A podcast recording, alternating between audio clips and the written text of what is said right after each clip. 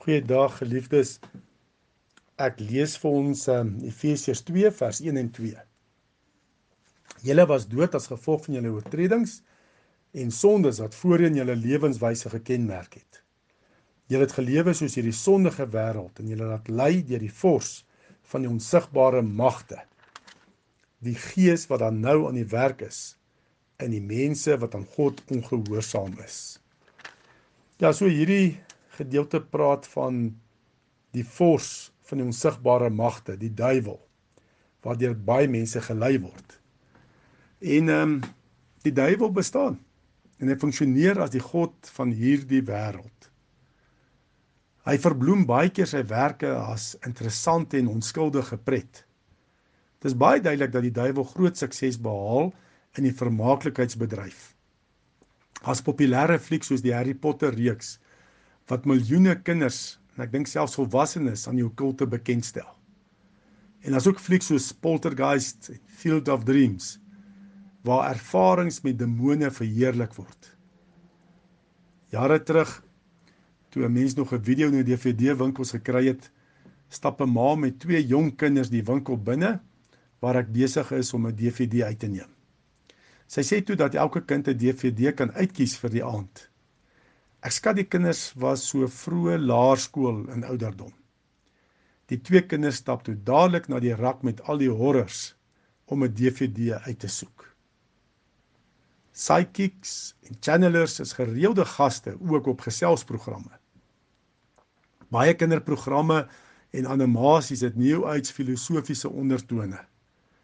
En met Halloween word kinders aangetrek soos hekse, spooke en monsters ek het dit so gesien ook hierdie naweek die afgelope naweek waar ons gekamp het aan die kant Brits. En dit was my hartseer toe 'n klomp Afrikaans sprekende kinders ek dink in elk geval 90% van die kampers was Afrikaans. Maar daar het 'n klomp Afrikaans sprekende kinders onder die leiding van twee volwassenes deur die kamp gegaan en getriek or treat net die Halloween speletjie. Ek dink Satan glimlag breed en hy sistematies besig om die Christelike karakter van ons samelewing af te breek. Want baie van ons mislei en oortuig dat hy slegs 'n onskadelike klein mannetjie in 'n rooi pak klere is met 'n drietand vurk in sy hand. 'n Amerikaanse prediker skryf dat hy in 'n koerant van Los Angeles lees dat meer dames raadpleeg mediums en spiritiste as professionele beraders beraders vir persoonlike hulp en leiding. Dit is verbasend dat die liggelowige publiek so maklik hierdie ooglopende uitdrukking van die okkult aanvaar. Verander die naam van 'n medium na 'n channeler en die naam van 'n demoon na 'n spirit guide en skielik is dit aanvaarbaar en stroom mense na die okkulte. Ons beleef dit ook so met die oorwinnaars naweke dat al hoe meer westerlinge ook sangomas sangomas raadpleeg en by oosterse misterie godsdienste betrokke raak. Mense onderneem selfs geestelike toere na Indië met al hulle honderde misterie godsdienste. Die aanloklikheid van die bonatuurlike kennis en mag is misleidend. En dit trek miljoene in die afgrond af weg van goddelike openbaring en die weg van die ware krag wat God gee aan sy kinders. So het Paulus ook hoofstuk 1 Efesiërs 1 afgesluit met 'n gebed.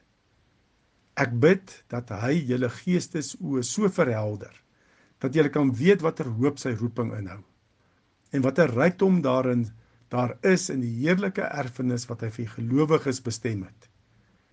En hoe geweldig groot sy krag is wat hy uitoefen in ons wat glo.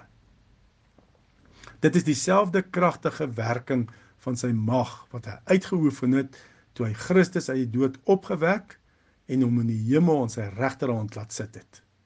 Efesiërs 1 vers 18 tot 20. Die konsep van Satan Die konsep van 'n persoonlike Satan het nie in die onlangse kerkgeskiedenis eers ontstaan nie. Nee, die ortodokse Christendom het nog altyd die leer verkondig van 'n persoonlike duiwel Hy is nie maar net 'n onpersoonlike mag of krag nie. C.S. Lewis het geskryf: There's no neutral ground in the universe. Every square inch, every split second is claimed by God and counterclaimed by Satan.